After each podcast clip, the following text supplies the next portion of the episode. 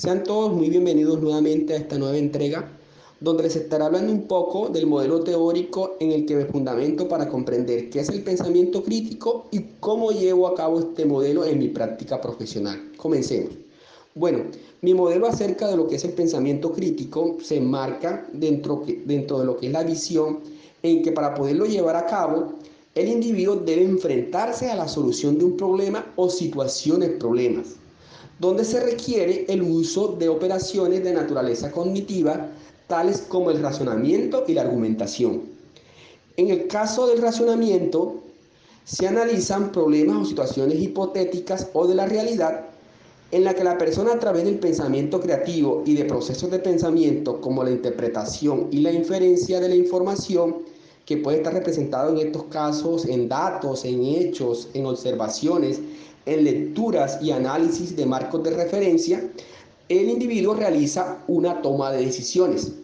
que en la mayoría de los casos es sustentado en todo tipo de afirmaciones o negaciones que están en, en vía o que están en relación de determinados contenidos epistémicos, tales como teorías, axiomas, leyes y principios. En esta sustentación existe siempre una búsqueda de la verdad, la cual tiende a ser lo más objetiva. Para este fin se recurre más que todo a lo que es la lógica kantiana de la razón, la cual ofrece todo tipo de argumentos para conseguirla. En cuanto al uso de la argumentación, vemos que ésta busca sustentar y fundamentar ese carácter crítico que se asume en el pensamiento cuando se intenta buscar la verdad, eh, en la que se suele emplear la figura de los argumentos, ya sean causales como las analogías y generalizaciones, o argumentos de naturaleza esencial, categóricos, no proposicionales, como las apelaciones, en las que se pretende sustentar, derribar y edificar paradigmas con mayores sustentos. Para poder emplear este modelo dentro de mi ejercicio profesional,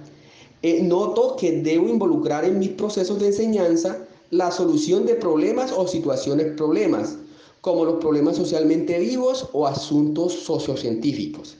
en lo que los estudiantes traten de poner a prueba las operaciones cognitivas y de razonamiento y argumentación. Para ello, debo promover disposiciones de los estudiantes como la autorregulación, el manejo de emociones, eh, la capacidad de análisis,